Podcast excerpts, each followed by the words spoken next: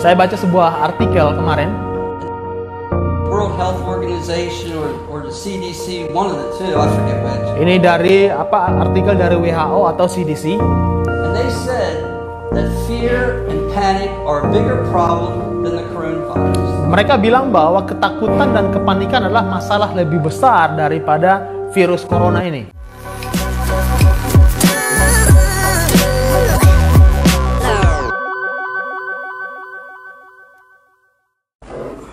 Tonight, we will, I want to look at the coronavirus Malam ini kita bahas sedikit mengenai coronavirus and the reason is this dan alasannya karena I'm sick and tired of terlalu banyak saya capek dengar orang omong di luar sana. There's all this stuff floating around. Terlalu banyak hal yang disebarkan di luar sana. Almost every Facebook post, every Instagram post, every WhatsApp post. Hampir setiap postingan Facebook, Instagram, WhatsApp ada coronavirus. There's just all this stuff. Ada semua ini People's lives are being dominated by this coronavirus. dan hidup kebanyakan orang ini uh, apa seolah-olah terdominasi oleh virus ini. And like I said, Dan seperti yang saya bilang, I'm tired of it. saya capek lihat semua itu.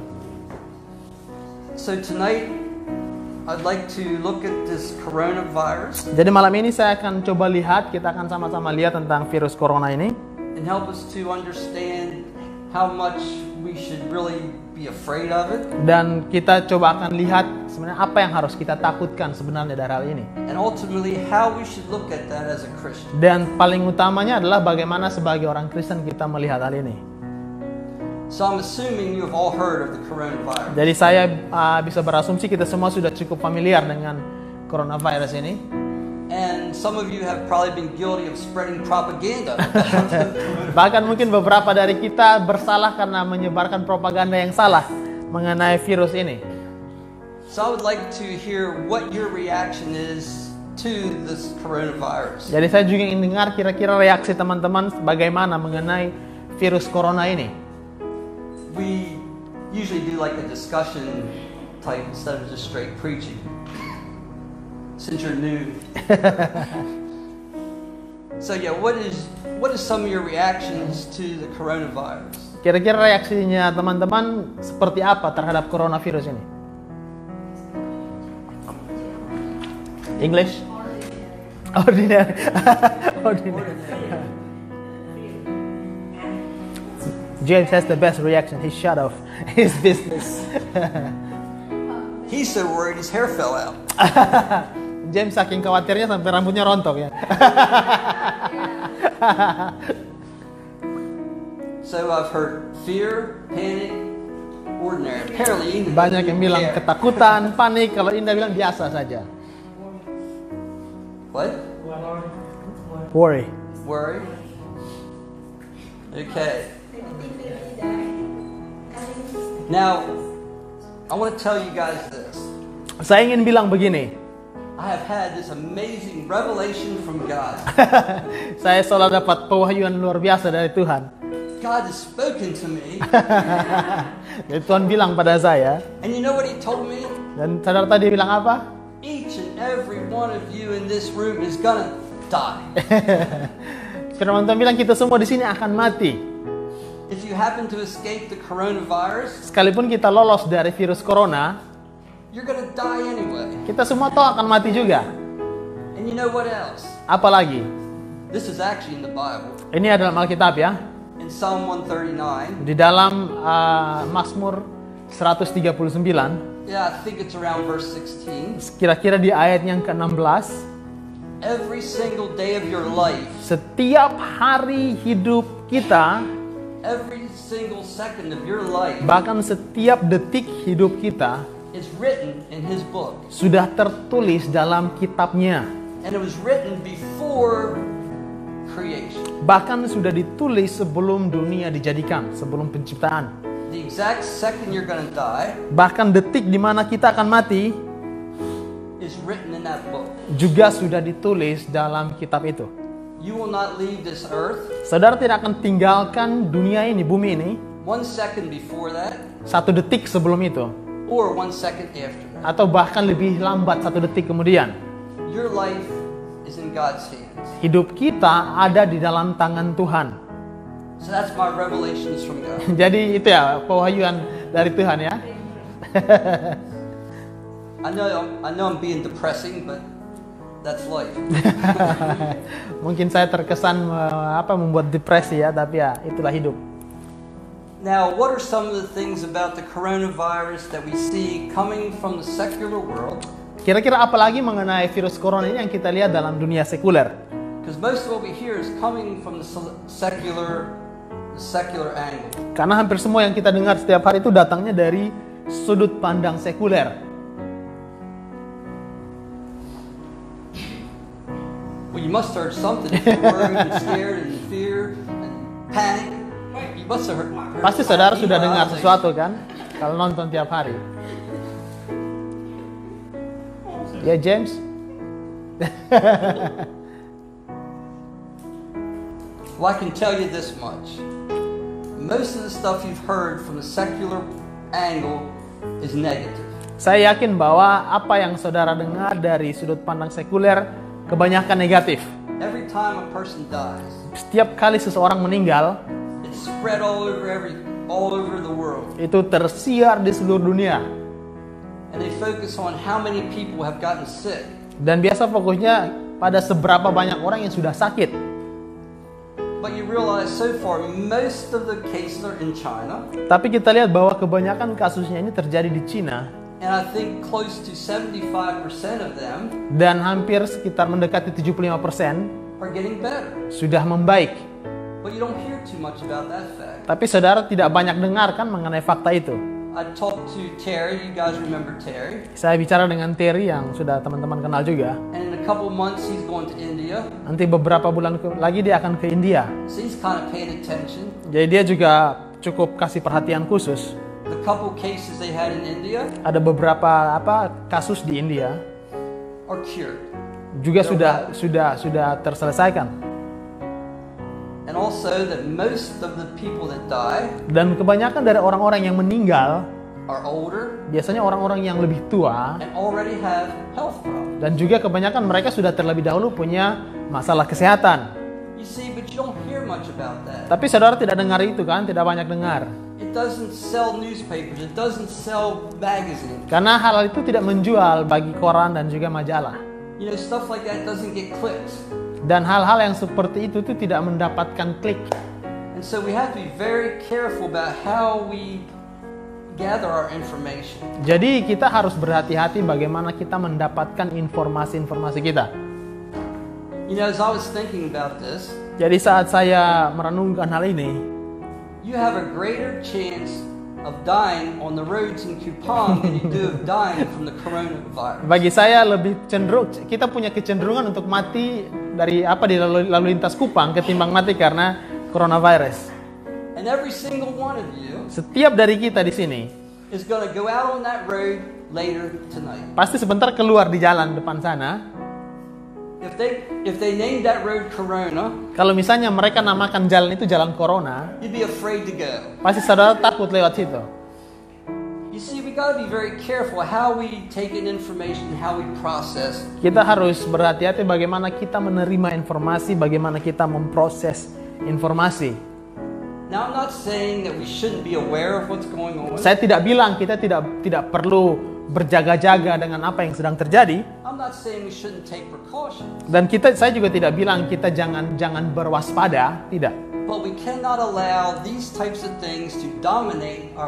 Tapi kita tidak boleh izinkan hal-hal yang seperti ini untuk mendominasi hidup kita. You know, I read an article yesterday. Saya baca sebuah artikel kemarin World Health Organization or, or the CDC, one of the two, I forget. Ini dari apa artikel dari WHO atau CDC And they said that fear and panic are a bigger problem than the coronavirus. Mereka bilang bahwa ketakutan dan kepanikan adalah masalah lebih besar daripada virus corona ini. That's coming from secular organizations. Ini datangnya dari uh, organisasi sekuler. And the sad part of it is, Dan yang menyedihkannya adalah so many Christians are a part of it. banyak orang Kristen menjadi bagian di dalamnya. Now, what, how, how do you think we should look at this coronavirus from a biblical standpoint? Menurut teman-teman, bagaimana kita sebagai orang Kristen bisa melihat dari sudut pandang kekristenan atau sudut pandang Alkitab terhadap virus corona ini?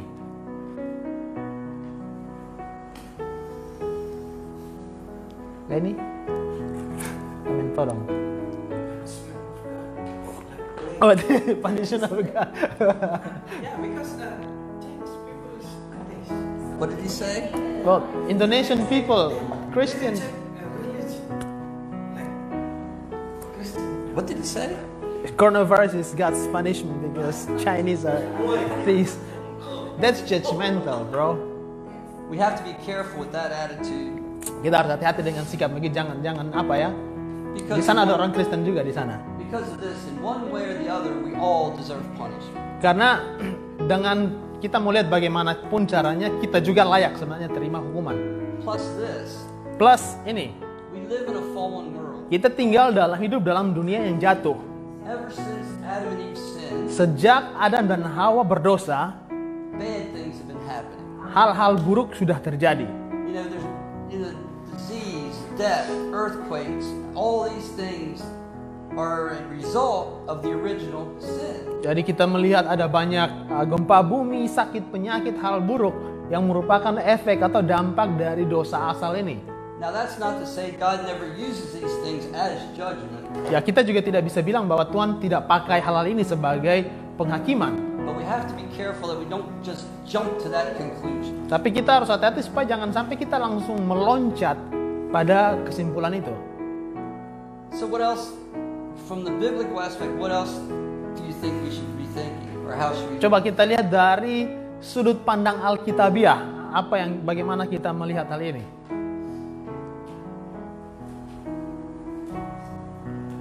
Ya James, dari sudut pandang Alkitabiah.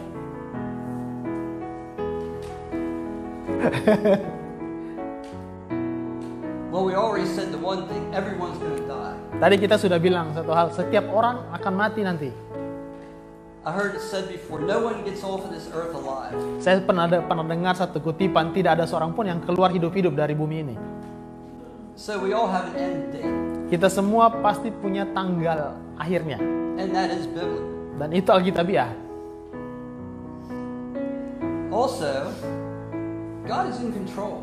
Dan yang penting juga adalah bahwa Tuhan itu pegang kendali.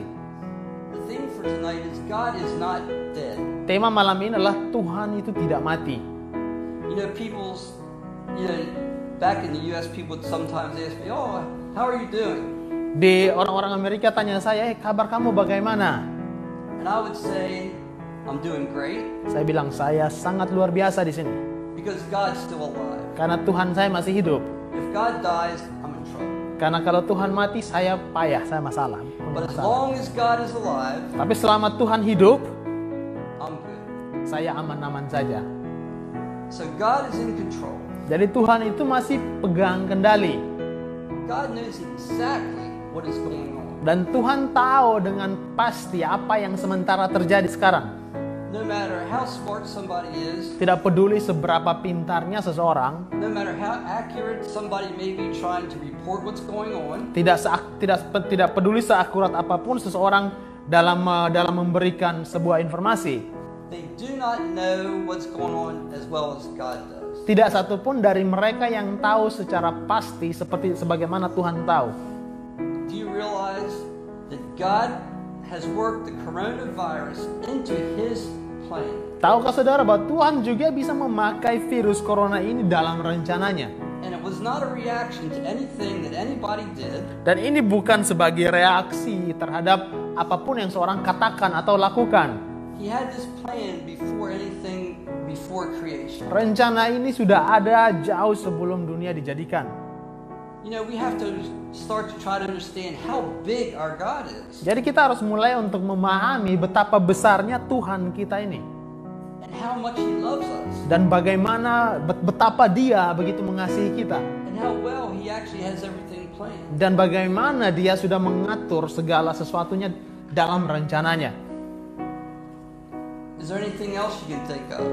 Ada lagi yang bisa kita renungkan dari hal ini?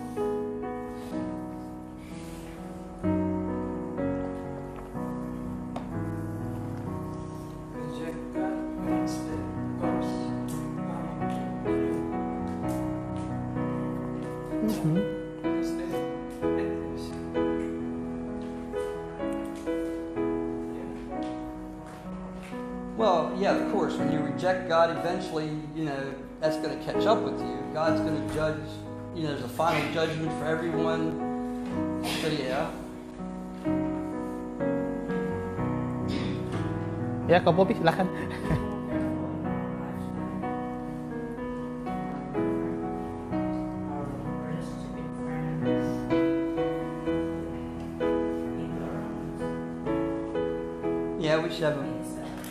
Need to have a better awareness of who's around us and, and what's going on and their needs and all, yeah. But remember who is the God of this world, of this earth, at this time. Yang harus kita ingat juga adalah bahwa siapa yang sekarang menjadi Tuhan atau penguasa atas dunia ini. You remember ever hearing about this guy called Satan? Saudara mungkin pernah dengar seseorang yang namanya setan. Know, when he was expelled from heaven Ketika dia dilemparkan dari surga and God created all the earth and everything, dan ketika Tuhan menciptakan dunia ini, and Adam and Eve sinned, Adam dan Hawa berdosa. guess who was there? Coba perhatikan siapa yang ada di sana. Satan. Setan. Satan is involved in this. Setan ber- terlibat. Satan directly. Saya tidak lang saya tidak bilang atau setan ini yang secara langsung me- membuat. Tapi saya bilang setan juga terlibat di dalam ini. What are two tactics that Satan uses to try to circumvent God's word, try to um, destroy God's plan? Apa yang biasanya eh, setan atau iblis lakukan untuk mengacaukan atau menghancurkan rencana Allah?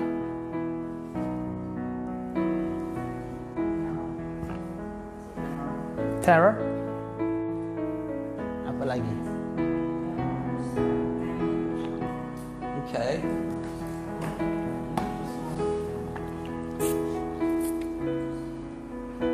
Yes, Satan uses fear Iblis itu biasa pakai ketakutan and he uses distraction. dan juga dia pakai uh, pengalihan. You see, we can see both of these in this coronavirus issue. Dan kita bisa lihat hal ini persis dalam virus corona ini. You see, Satan knows Satan knows a lot of stuff. Iblis itu tahu banyak hal. If you've given your life to Christ, Kalau saudara sudah serahkan hidup pada Kristus, Satan knows he can never have you. satu hal yang iblis tahu adalah bahwa dia tidak bisa saudara. But he also knows this. Tapi dia juga tahu hal ini. He can stop you from being fruitful. Dia bisa menghentikan saudara supaya jangan berbuah. If he can distract you from focusing on what God wants you to do, Kalau dia bisa mengalihkan saudara dari melakukan apa yang Tuhan mau saudara lakukan, if he can cause you to be afraid or worried, kalau dia bisa buat saudara takut atau khawatir, you will not feel God's fulfill God's plan for your life. maka saudara pasti tidak bisa mem- memenuhi atau menggenapi rencana Tuhan bagi hidup saudara. He already knows he's lost you, Dia sudah tahu dia tidak bisa mendapatkan saudara lagi. but he wants to stop you from being fruitful. Tapi dia mau menghentikan saudara supaya saudara jangan berbuah.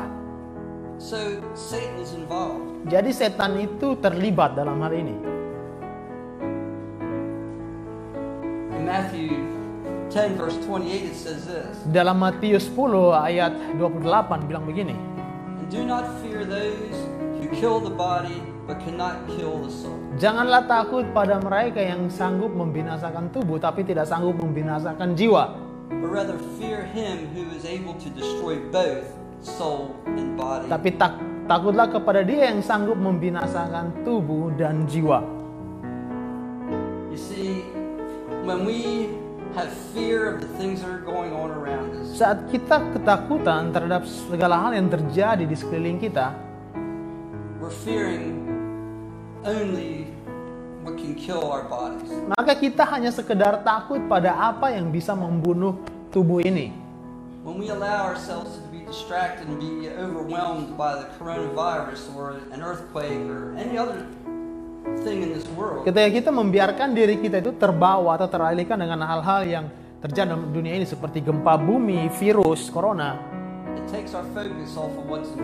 maka itu akan mengambil fokus kita dari apa yang penting.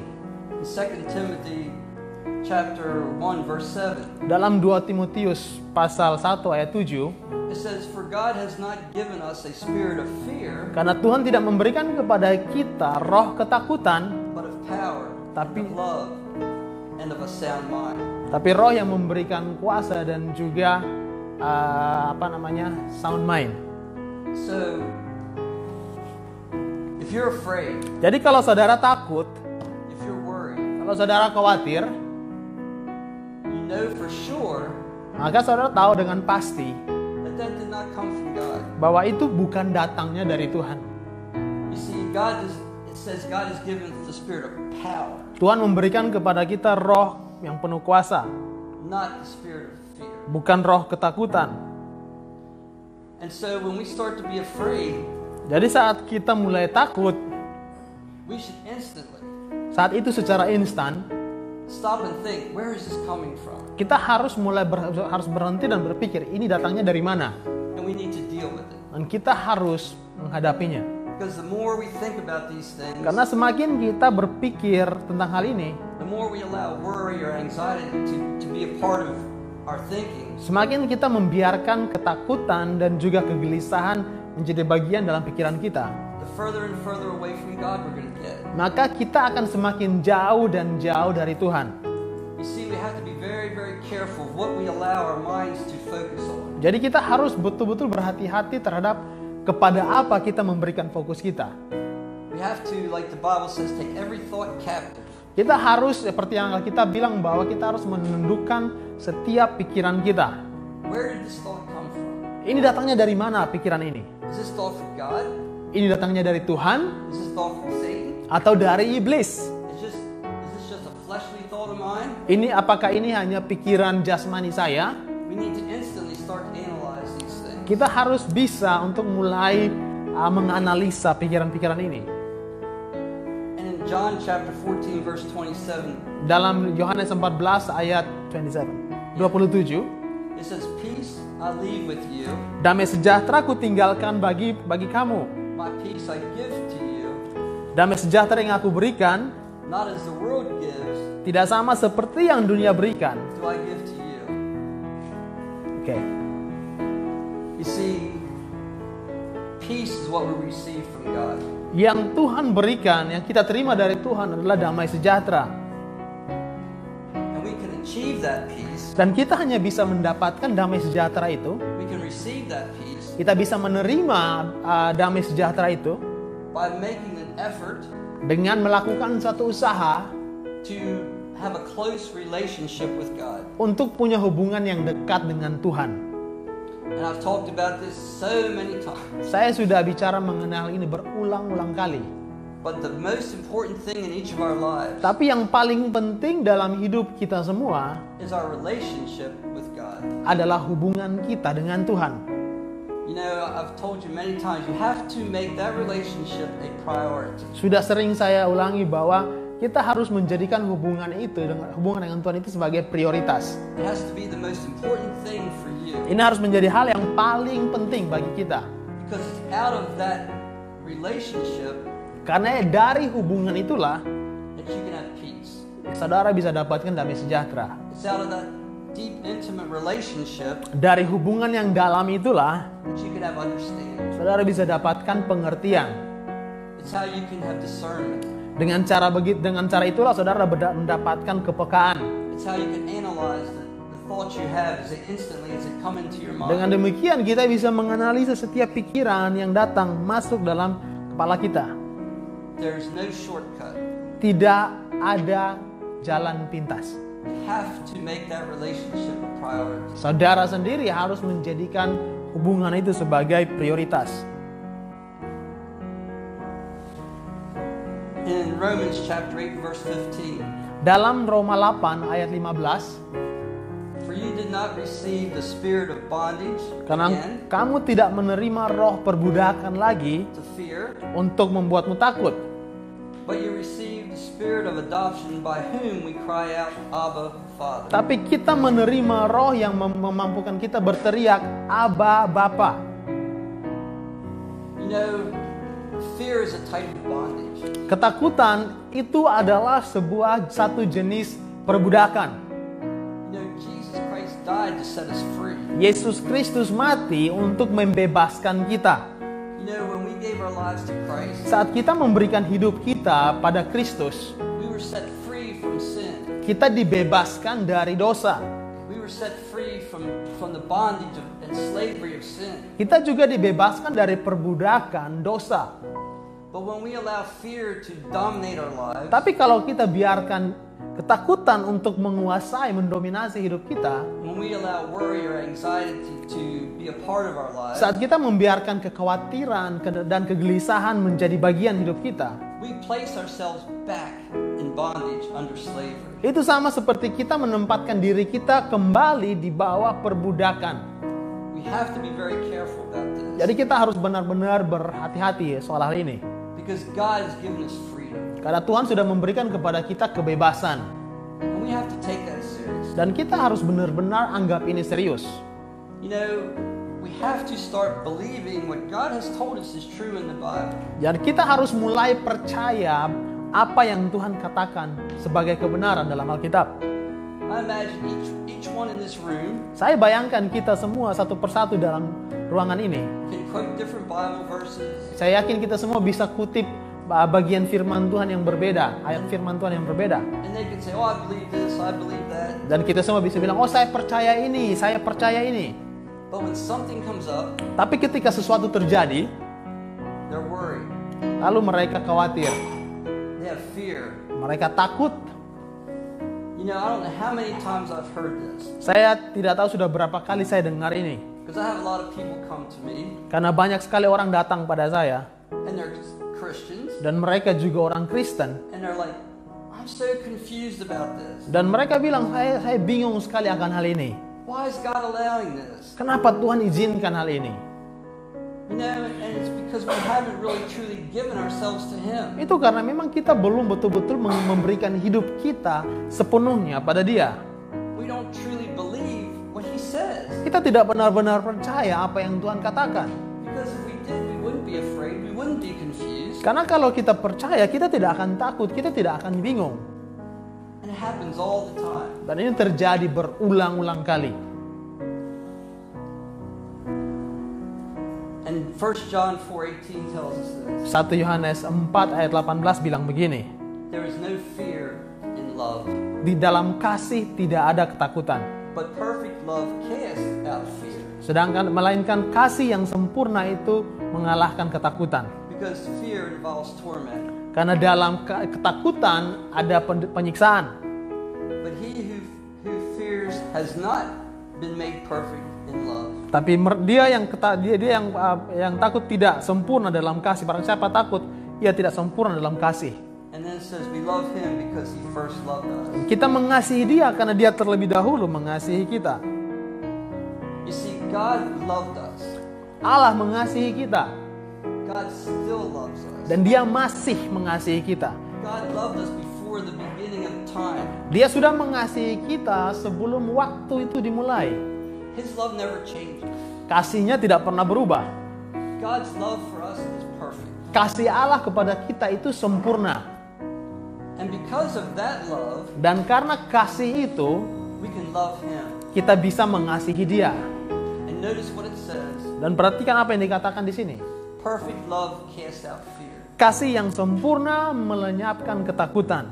If we truly love him, Kalau kita benar-benar mengasihi dia, we truly believe him, kita benar-benar percaya pada dia, we should not fear. kita jangan takut lagi.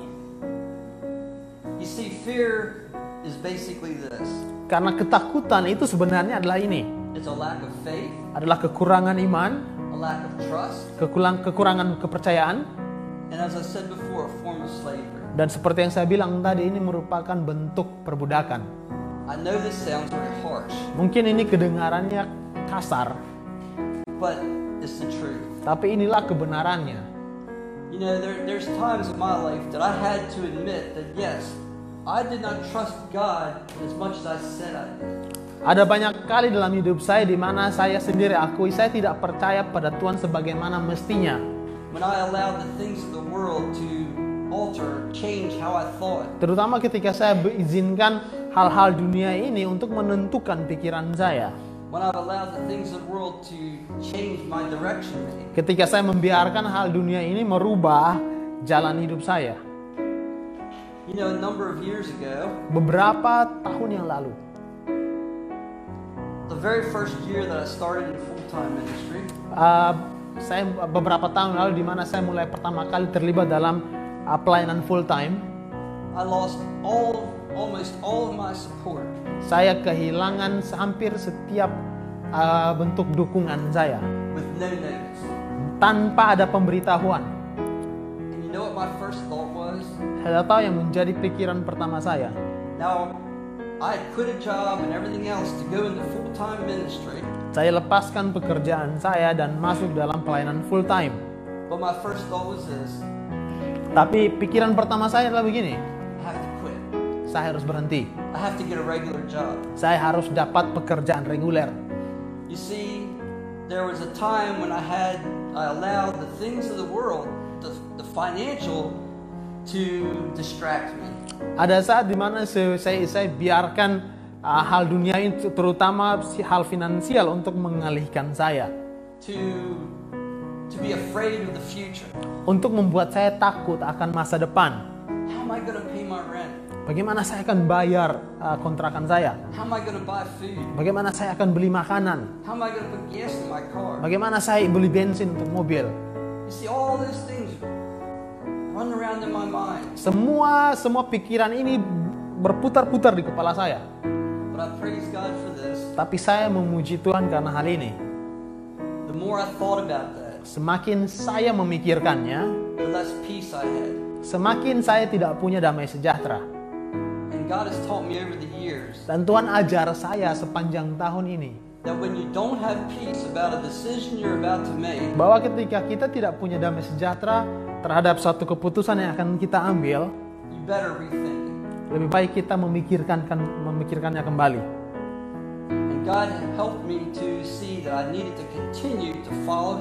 Jadi Tuhan membuat saya untuk saya terus mengikuti Dia to follow the vision He had given me, dan juga mengikuti visi yang sudah Tuhan berikan.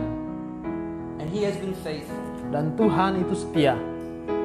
Over the next couple months, Untuk beberapa uh, bulan ke depan, I in no way could explain how my bills got paid saya bahkan tidak tahu bagaimana saya akan membayar setiap tagihan-tagihan saya. because the money coming in Karena ada uang yang masuk, was not near as much as the money going out. tidak setiap uang yang masuk itu tidak sama bandingnya dengan jumlah uang yang keluar. So I don't know how it happened, Saya tidak tahu bagaimana terjadinya, but God was faithful. tapi Tuhan itu setia. And so we have to be very, very careful about allowing the things of the world to change how we think. Supaya kita jangan membiarkan hal-hal dunia ini merubah bagaimana kita berpikir. You know, in, in 1 Corinthians Dalam 1 Korintus chapter 15 and verse 55, ayat 15 ah, pasal 15 ayat ah, 55 it says this, O death, where is your sting? O Hades, where is your victory? dikatakan ah, wahai wahai maut di manakah sengatmu wahai dosa di manakah sengatmu You know, Jesus died on the cross. Yesus mati di kayu salib He was resurrected on the third day, dibangkitkan di hari yang ketiga and he conquered death. dan dia mengalahkan maut You see, death is not a reason for us to maut bukan lagi menjadi alasan supaya kita takut because in reality, for you and me, karena ah, dalam kenyataannya untuk saudara dan saya death is just the process of changing locations. kematian itu hanyalah satu proses pindah lokasi It takes us from this earth and this life yang memindahkan kita dari bumi ini dari kehidupan ini into the throne room of God. untuk masuk dalam hadirat Tuhan. So death is nothing for us to fear. Jadi uh, maut bukan hal yang perlu kita takuti. When Jesus came out of that grave, Ketika Yesus keluar dari kubur itu, he took away the victory of Satan. dia mengambil setiap kemenangan atau setiap kekuatan iblis. He took away the victory of death. Dia bahkan mengambil kekuatan atau kemenangan dari maut. So death is not something for us to fear. Jadi maut bukan lagi hal yang harus kita takuti. Death for you and I is just a change of address. Jadi kematian bagi saudara dan saya hanya sekedar perpindahan alamat. In reality, we should be looking forward to that. Dan bahkan sebagai kenyataannya kita harus menantikannya. And if we looked at Romans chapter 8, verses 35 to 39, Kalau kita lihat dalam Roma pasal 5 ayat uh, 30 Roma pasal 5 Romans chapter uh, 8, oh, Roma pasal 8 sorry. 35 to 39. ayatnya yang ke 35 sampai 39 Who shall separate us from the love of Christ? Siapakah yang akan memisahkan kita dari kasih Kristus? Penindasan? atau kesesakan? Atau penganiayaan? Or famine, atau or kelaparan nakedness, atau ketelanjangan? Atau bahaya? Or sword? atau pedang? Seperti ada tertulis, oleh karena engkau kami ada dalam bahaya maut sepanjang hari. Kami telah dianggap sebagai domba-domba sembelihan.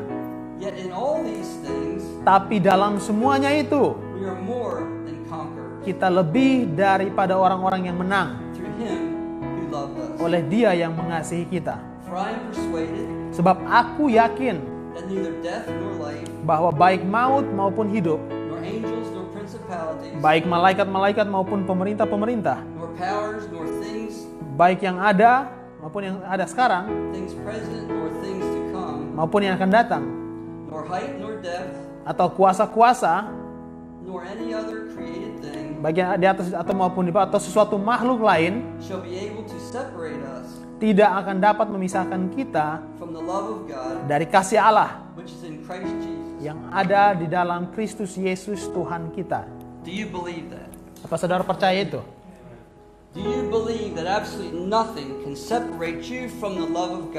Apakah saudara percaya bahwa tidak ada satupun yang bisa pisahkan saudara dari kasih Allah? God makes it very clear Tuhan menjadikan ini sangat jelas that when we are His, bahwa ketika kita menjadi miliknya, we are in a place of safety. kita ada di dalam tempat yang aman. We need to act like we believe it. Jadi kita harus bertindak sebagaimana kita percaya. It's very easy to say, Oh, I believe. Karena mudah kita bilang, oh saya percaya. But our actions need to back up what we say. Tapi tindakan kita harus bisa backup apa yang kita katakan. Our actions show what we truly believe. Karena tindakan kita menunjukkan apa yang sebenarnya kita percayai. You see, we don't have to fear the coronavirus. Kita tidak perlu takut dengan coronavirus ini.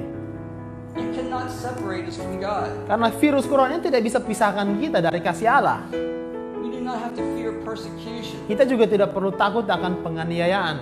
It cannot separate us from the love of God. Karena hal itu juga tidak bisa pisahkan kita dari kasih Allah. We don't have to fear starvation. Kita tidak perlu takut kelaparan. There's nothing that we have to fear Tidak ada satupun yang harus kita takutkan. because there's nothing that can separate us from the love of God. Karena tidak ada satupun yang bisa pisahkan kita dari kasih Allah. You see, we need to start to understand the love of God. Kita harus mulai pahami kasih Allah. It's an amazing thing. Ini merupakan hal yang menarik. You see, we're used to the love of people, Karena kita terlalu terbiasa dengan kasih manusia. and sometimes it's good, Kadang baik, sometimes it's bad, kadang buruk. depending on moods, Tergantung pada mood, depending on actions. tergantung pada tindakan. But God's love is stable. Tapi kasih Allah itu stabil. You cannot do anything to make God love you more. Saudara tidak bisa lakukan apa pun untuk buat Tuhan mengasihi saudara lebih lagi. You cannot do anything to make God love you less. Saudara juga tidak bisa lakukan sesuatu untuk membuat dia sedikit atau lebih kurang mengasihi saudara. God's love for you is exactly the same. Kasih Allah buat saudara itu tetap sama. Every single second of every single day, your whole entire life. Di setiap detik dari setiap hari sepanjang hidup saudara. It cannot change. Tidak akan pernah bisa berubah. And nothing can separate you from that love. Dan tidak ada satupun yang bisa pisahkan saudara dari kasih itu.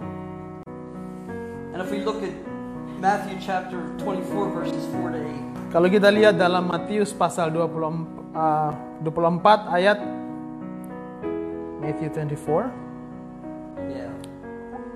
ayat 24 sampai 28 And Jesus answered and said to them, dan Yesus berkata kepada uh, mereka Take heed that no one deceives you.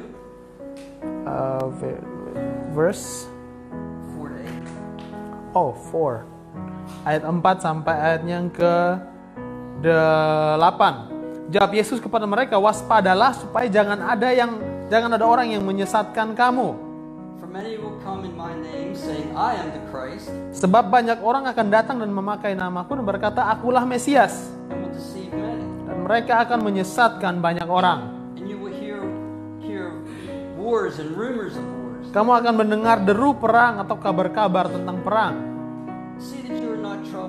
Namun berawas-awaslah. Jangan kamu gelis sebab semuanya ini harus terjadi tapi itu belum kesudahannya. Sebab bangsa akan bangkit melawan bangsa. Dan kerajaan melawan kerajaan. Akan ada kelaparan eh, gempa bumi di berbagai tempat. Akan tetapi semuanya itu barulah permulaan penderitaan You know, I said before, seperti yang saya bilang tadi people always come to me, banyak orang datang pada saya oh, I'm confused. saya bingung Why is this happening? kenapa kok ini terjadi Why would God let this happen? kenapa Tuhan izinkan ini terjadi Oh, why did this earthquake happen? kenapa gempa bumi ini terjadi Why did this tsunami- tsunami happen? kenapa tsunami terjadi Why are there people that are hungry? kenapa ada orang-orang yang kelaparan Actually, it's pretty simple. sebenarnya simpel sekali God said it would happen. karena Tuhan sendiri bilang akan terjadi We live in a fallen world. kita hidup dalam dunia yang jatuh Yeah, God created everything perfect, kita Tuhan menciptakan segala sesuatu sempurna but sin messed all that up. tapi dosa menghancurkan semuanya It's a natural part of life now. ini sekarang menjadi hal yang alami dalam hidup And according to God's word, dan menurut firman Tuhan it's going to keep getting worse. akan semakin buruk mungkin saudara berpikir ini terdengar membuat kita tertekan because everybody wants to think, oh, everything's going to get better. karena semua orang mau berpikir ah semua akan baik-baik saja semakin baik And there may be times things get a little better. dan memang ada saat di mana segala sesuatu mungkin menjadi lebih baik But overall, tapi secara uh, keseluruhan segala sesuatu akan semakin buruk God promised. Karena Tuhan sendiri sudah menjanjikan itu You see, God says that you're going to hear wars and rumors of wars. dan dia bilang bahwa engkau akan mendengar kabar dan deru perang Almost every day you hear about a new war somewhere. hampir setiap hari kita dengar berita tentang perang di satu tempat If it's not wars again between countries, bukan bukan cuma perang antar negara it's wars between different groups of people. bahkan perang antara kelompok-kelompok masyarakat yang berbeda It talks about the pestilences and, and bahkan bicara mengenai kelaparan dan juga wabah penyakit. Kita lihat itu semua di seluruh dunia. Dan virus corona hanya merupakan satu salah satu bagian dari dalamnya. Tuhan sendiri bilang ini akan terjadi tapi kebanyakan kita tidak mau percaya kita percaya kita kan orang Kristen jadi segala sesuatu akan baik-baik saja hidup itu pasti sangat menyenangkan kita ini kebal terhadap semua itu. Tapi saya, saya tidak suka harus menghancurkan balon imajinasi saudara. That's a lie from the pit of hell. Karena itu itu merupakan kehidupan di dalam dasar neraka ini. It's not reality. Itu bukan satu kenyataan. But the balance to that is this Tapi untuk menye- menyeimbangkannya, we can have peace, kita bisa punya damai sejahtera. we can have joy Kita bisa punya sukacita in the midst of everything that goes on, no matter how bad it is. di tengah-tengah semua ini ter- terlepas dari apa pun yang terjadi. Because we saw earlier, God says, Peace I give to you. Karena seperti yang kita dengar tadi bahwa Tuhan sendiri bilang, damai sejahtera ku berikan kepadamu.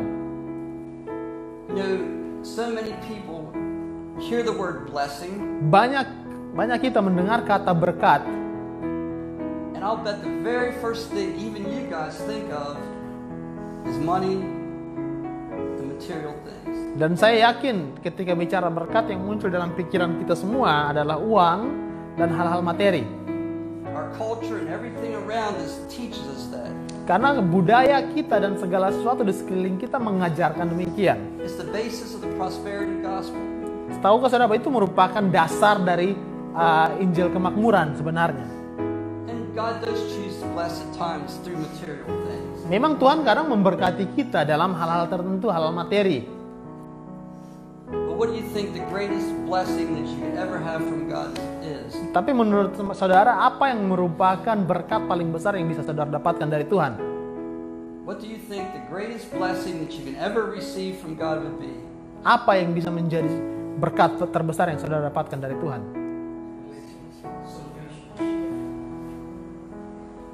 Our salvation would be the very first thing, but as a Christian, after our salvation, what would be the very Keselamatan memang menjadi hal yang pertama, tapi setelah kita menjadi orang yang diselamatkan, apa yang hal paling besar yang bisa kita dapatkan? Damai sejahtera. Exactly. You know, no matter how bad your problem is, Tidak peduli seberapa besar masalah saudara, if you have peace, kalau saudara punya damai sejahtera, you can deal with it. saudara bisa menghadapinya. Because perfect peace, there's no fear. Karena dalam damai sejahtera yang sempurna itu tidak ada ketakutan. In perfect peace, there's no worry. Dan dalam ke, ke dalam ke, damai sejahtera yang sempurna tidak ada ke- ke- kekhawatiran. And there again, we need to spend time with God. Dan karena itu kita perlu untuk luangkan waktu dengan Tuhan. We need to work on our relationship with God. Kita harus mau mengupayakan hubungan kita dengan Tuhan. The closer we are with Him, Semakin kita dekat dengan Dia, more we can have that peace. semakin kita bisa dapatkan damai sejahtera itu. You know, we have to go, I keep going back, we have to believe what God tells us. Jadi saya harus ulangi, kita harus percaya pada apa yang Tuhan sampaikan. Peace and joy are the greatest blessings that I believe as a Christian that we can ever receive. Damai sejahtera dan sukacita bagi saya adalah berkat terbesar yang kita bisa dapatkan sebagai orang Kristen. Peace and joy should be a part of our lives. Damai sejahtera dan sukacita harus menjadi bagian dari hidup kita.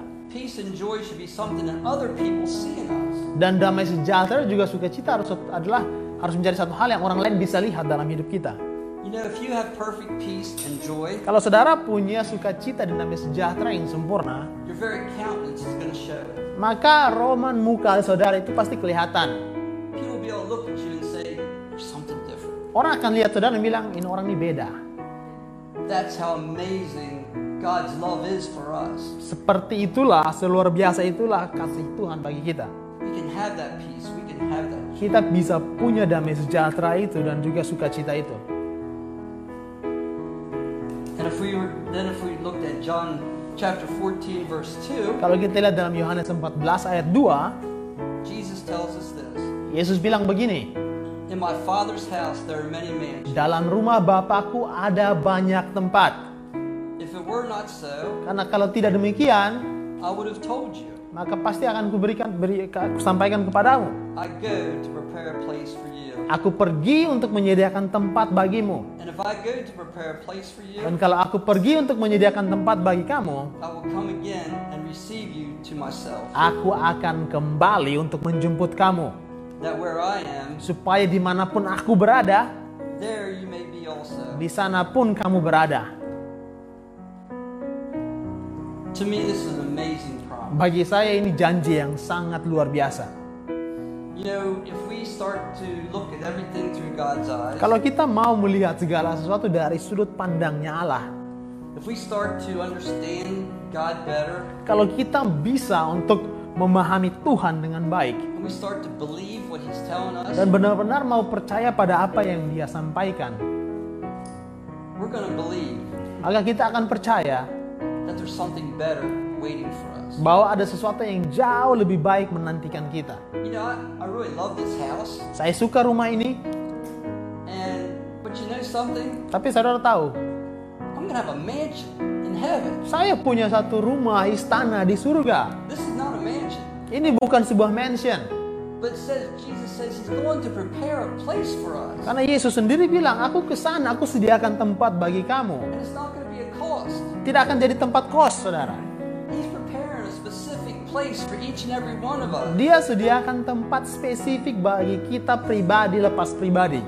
And you know what? Dan saudara tahu, Our street out front of our house di depan rumah kita ada jalan. is going to be paved with gold. Itu dibalur emas.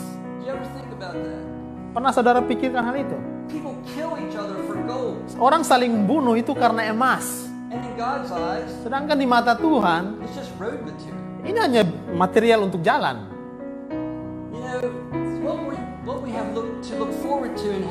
Jadi apa yang harusnya kita nantikan di surga ini?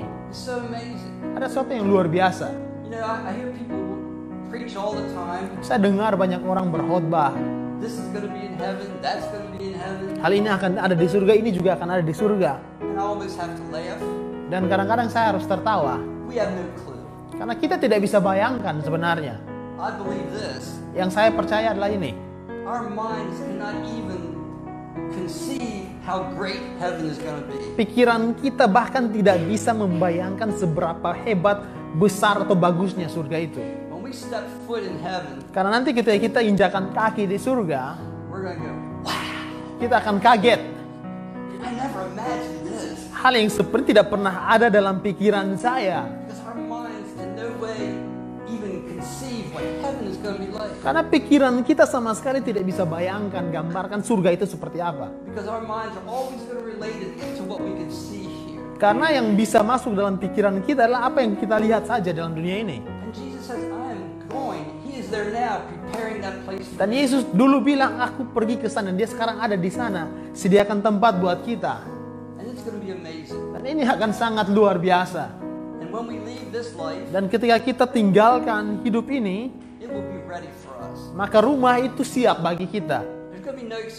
Tidak akan ada alasan. Tidak akan bilang di sana, oh Pak tinggal dulu di hotel satu minggu ya. Nanti satu minggu baru rumah siap. Custom made for each one of us. Rumah di sana itu sifatnya custom made, dibuat custom khusus untuk saudara. It's not going to be a row house where they all look the same. Ini bukan seperti rumah kos yang kelihatannya sama semua. Custom made for each one of us. Ini dibuat custom khusus untuk saudara, kita satu persatu. And he says, I will come back for you. Dan Yesus sendiri bilang, aku akan kembali bagi kamu. You see, Jesus is going to come back for us. Dia akan kembali bagi kita. And he says he'll take us Dan dia bilang apa? Aku akan membawa kamu ke tempat di mana aku berada.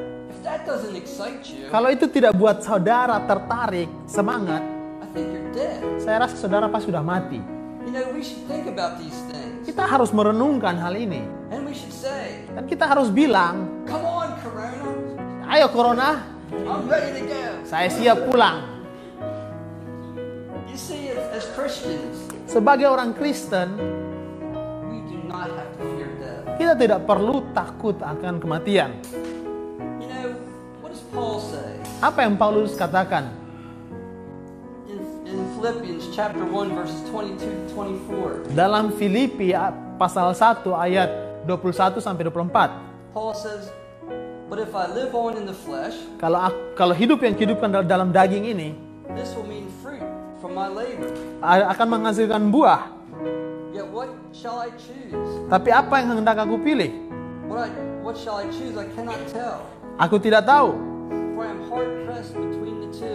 Aku didesak dari dua pihak. having the desire to depart and be with Christ, Aku ingin pergi dan diam bersama-sama dengan Kristus. Itu memang jauh lebih baik. Nevertheless, to remain in the flesh Tapi lebih perlu untuk tinggal di dalam dunia ini is more needful for you. karena kamu. This, this struggle, Jadi Paulus sendiri dia seolah punya satu pergumulan ini. this tension. Ada satu apa kecenderungan. Man, heaven's gonna be really cool. Dia bilang, wah ini surga ini keren sekali. Hanging out with Jesus in person every day, this is gonna be really cool. Bayangkan tiap hari jalan bersama Yesus, ini keren sekali.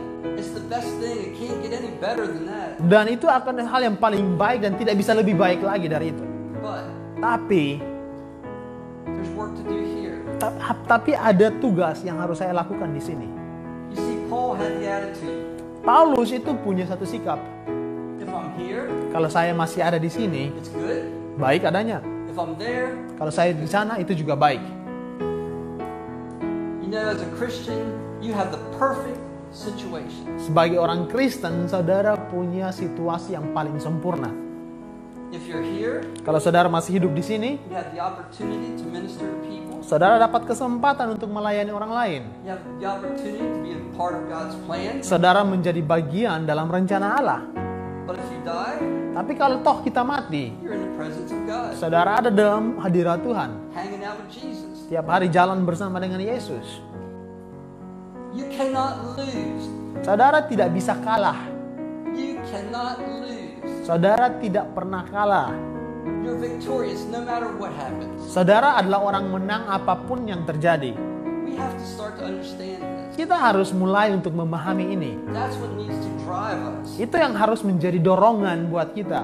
Not the coronavirus, Bukan coronavirus ini, not the earthquakes, bukan gempa bumi, not the evil in, in the world, bahkan juga bukan hal-hal jahat di dunia ini. The love of God in our lives, Tapi kasih dalam kasih Tuhan dalam hidup kita. what He wants for us, Apa yang Tuhan mau untuk kita what He's promised for us. dan juga apa yang Dia janjikan. That should consume us. Itulah yang harus membuat kita terbakar. You see, the coronavirus is probably going to go away. Virus corona ini tidak akan lama. Oh, it could get big. Mungkin bisa lebih menjadi lebih makin besar I mean, it, it could end up atau mungkin bisa ber- berujung membunuh jutaan orang. Tapi satu yang tidak akan pernah berubah yaitu kasih Tuhan bagi, bagi kita, janji Tuhan bagi kita.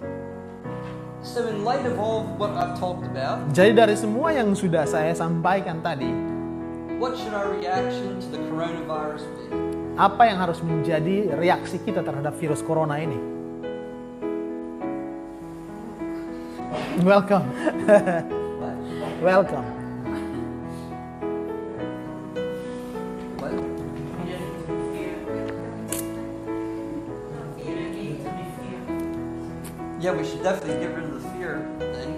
But why would, okay, why should we get rid of the fear? Tapi kenapa kita harus tidak takut? It's based on God is alive, exactly.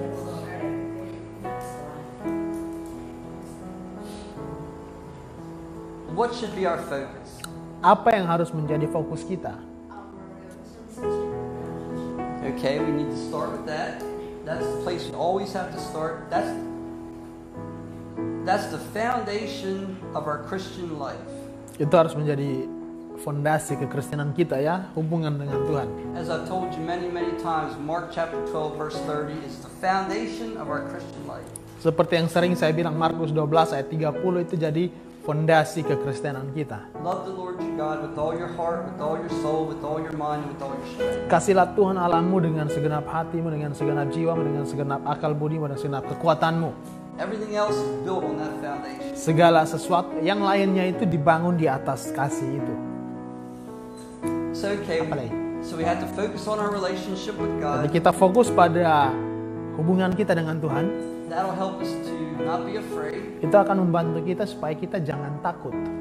But what else? What Apalagi, what should all of this cause us to do? kira-kira apa lagi yang harus dari semua ini apa yang harus kita lakukan? What? Yeah, we, definitely we should more and more every day believe in God's word. Percaya pada firman Tuhan. What? Praying. Praying. We, yeah, that goes along. That's part of our relationship with God. Reading His Word, meditating on His Word, praying, and listening. That's how we develop, build that relationship. So we definitely need to keep praying. Oh apa lagi?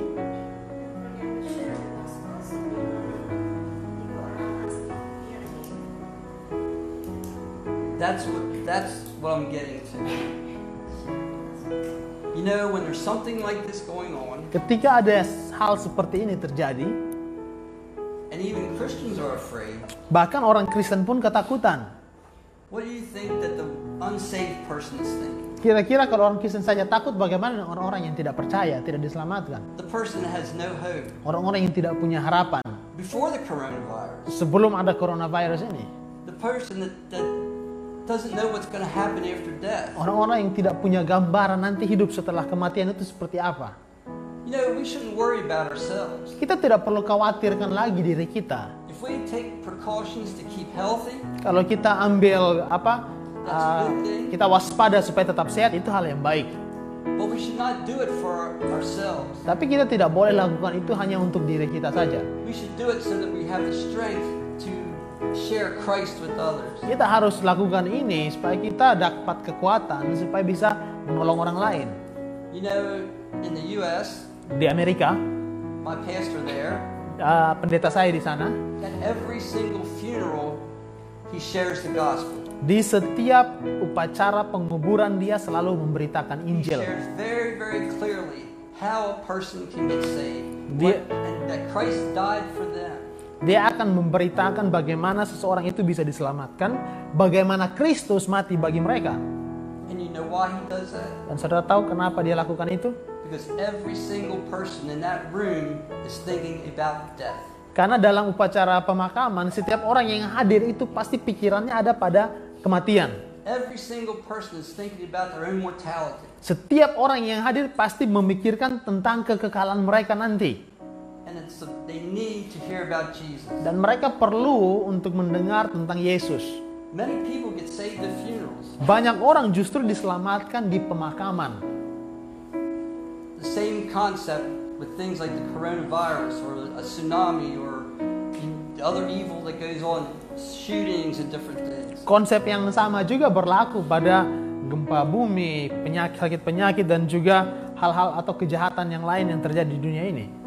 This coronavirus Virus corona ini has caused many, many people menyebabkan begitu banyak orang to face their own mortality. untuk membuat orang membuat orang itu menghadapi apa ketidakkekalan mereka. It has forced them to think about their, their death and when they're going to leave. Ini akan membuat mereka memaksa mereka berpikir bagaimana dan ke mana mereka akan hidup.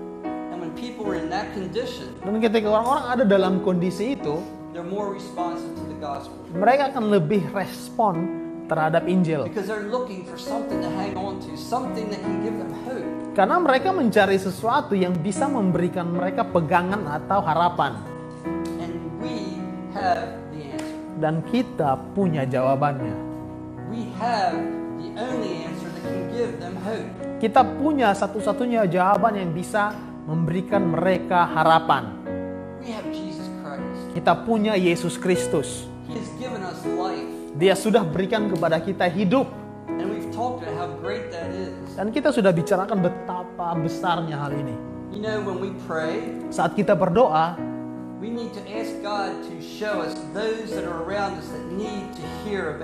kita perlu tanya pada Tuhan untuk tunjukkan kepada kita orang-orang di sekitar kita yang perlu dengar tentang Dia. We, we need to ask God to open our spiritual eyes Kita perlu minta pada Tuhan untuk buka mata rohani kita. so that we will see the need around us. Supaya kita bisa lihat kebutuhan yang ada di sekitar kita. Tidak cukup supaya kita hanya sekedar nyaman atau berbahagia karena kita akan masuk surga. Tuhan menaruh kita di sini untuk satu alasan. Dan alasan itu adalah untuk berbagi tentang dia. And we've talked about it before. Dan kita sudah bahas ini, bicarakan ini sebelumnya. He's given us the ministry of reconciliation. Dia sudah berikan kepada kita uh, tugas pendamaian. He's called us ambassadors. Dia sebut kita sebagai utusan atau duta-duta Tuhan. Dan dia menentukan kita untuk menghasilkan murid. Kita harus menjadi saksi-saksinya. Dia dia punya tugas untuk kita satu persatu. Dan kalau ada sesuatu hal yang seperti virus corona ini terjadi, dia hal itu akan membawa orang-orang kepada kita. Karena saat seperti inilah orang-orang kebanyakan akan terbuka karena mereka takut. Setiap orang mau dapat damai sejahtera. Every single person. Setiap orang. But they could never have it Tapi mereka tidak akan bisa mendapatkannya outside of Jesus Christ. di luar Yesus Kristus. Every single person is looking for something to give them joy. Setiap orang itu mencari sesuatu yang bisa memberikan kepada mereka sukacita. Some people look at it, look for it in drugs and alcohol. Ada yang mencarinya dalam obat-obatan dan juga alkohol. Some people look for it in position in, in society. Ada yang mencarinya dalam kedudukan dalam masyarakat. Ada yang mencarinya dalam hal-hal materi. Dan mereka tidak pernah mendapatkannya. Mereka selalu membutuhkan lebih lagi, tidak pernah cukup.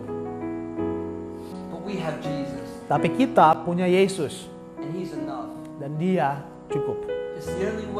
Inilah satu-satunya cara di mana kita bisa dapatkan suka damai sejahtera yang sempurna. Satu-satunya cara di mana kita bisa mendapatkan uh, sukacita. Jadi kita harus melihat virus corona ini bukan sebagai sesuatu yang perlu ditakuti, tapi sebagai ala sebagai suatu kesempatan untuk berbagi tentang Yesus. This is what I believe that we should, how a Christian should react to the coronavirus. Inilah yang saya percayai harus menjadi reaksi orang Kristen terhadap virus corona. And the next major tragedy that comes along. Dan and juga-. Tragedi-tragedi besar yang akan terjadi sesudahnya. It takes a, a we have to have a different mindset. Kita harus punya mindset yang berbeda. Remember, we have to look at everything that happens Kita harus melihat segala sesuatu yang terjadi ini through the eyes of God. melalui mata Tuhan. We have to look at everything through His eyes Kita harus melihatnya dari matanya and ask, dan tanya Tuhan, how would He react to this if He was here? bagaimana Tuhan akan bereaksi seandainya Tuhan ada di sini? How does He want me to react to this? Atau bagaimana Tuhan mau kita bereaksi dalam hal ini? We need to see that lost person that's fearful Kita harus melihat orang-orang yang terhilang yang ketakutan ini as His creation, sebagai ciptaan Tuhan, as someone that He loves, sebagai orang-orang yang Tuhan kasihi, as someone who Jesus Christ died for. sebagai orang-orang yang baginya Yesus Kristus mati. You know, we're all happy because we're going to heaven. Kita semua bahagia karena kita semua nantinya ada di surga. But there's another place. Tapi ada tempat lain, It's called hell. namanya neraka. And there's nothing but pain and suffering there. Tidak ada hal lain selain kesakitan dan juga penderitaan di sana. You know, it's pictured as fire, Digambarkan neraka digambarkan sebagai api, but it's a fire that never goes out. tapi ini api yang tidak pernah padam. It's eternal pain and suffering. Ini merupakan kesakitan dan penderitaan yang kekal. And the greatest pain and suffering Dan penderitaan yang paling besar dan juga kesakitan yang paling besar sebenarnya is a total separation from God. adalah perpisahan total dengan Allah. Do you care about that person Nah, kalau kita punya gambar ini, apakah kita peduli dengan orang-orang yang terhilang ini? Christ, Yang tidak kenal Kristus. today, Yang kalau mereka mati malam ini, hell? akan berakhir di neraka. Itu, itulah yang harus membuat kita ini berduka. Kita harus menangisi jiwa-jiwa yang tidak punya harapan dan akan berakhir di neraka. If you're satisfied that you're just Kalau saudaranya cukup bahagia puas karena saudara jadi orang Kristen akan ada di surga, saudara melewatkan poin pentingnya. Memang ini satu hal yang harus kita uh, menjadi hal yang kita uh, harus menjadi sukacita kita, tapi tidak boleh berhenti sampai di sana. So Jadi saya ingin mendorong saudara semua, coba renungkan hal ini. Apakah saudara benar-benar percaya apa yang Alkitab katakan? Do you believe that you can have perfect peace? Apakah saudara percaya saudara bisa mendapatkan uh, sukacita, damai sejahtera yang sempurna? No matter what happens in your life, Apa pun yang terjadi dalam hidup saudara. do you believe that God truly loves you? Dan apakah saudara percaya bahwa Tuhan benar-benar mengasihimu? Do you truly believe Dan percayakah saudara bahwa Tuhan masih duduk di tahtanya? Dan dia masih aktif dalam dunia ini?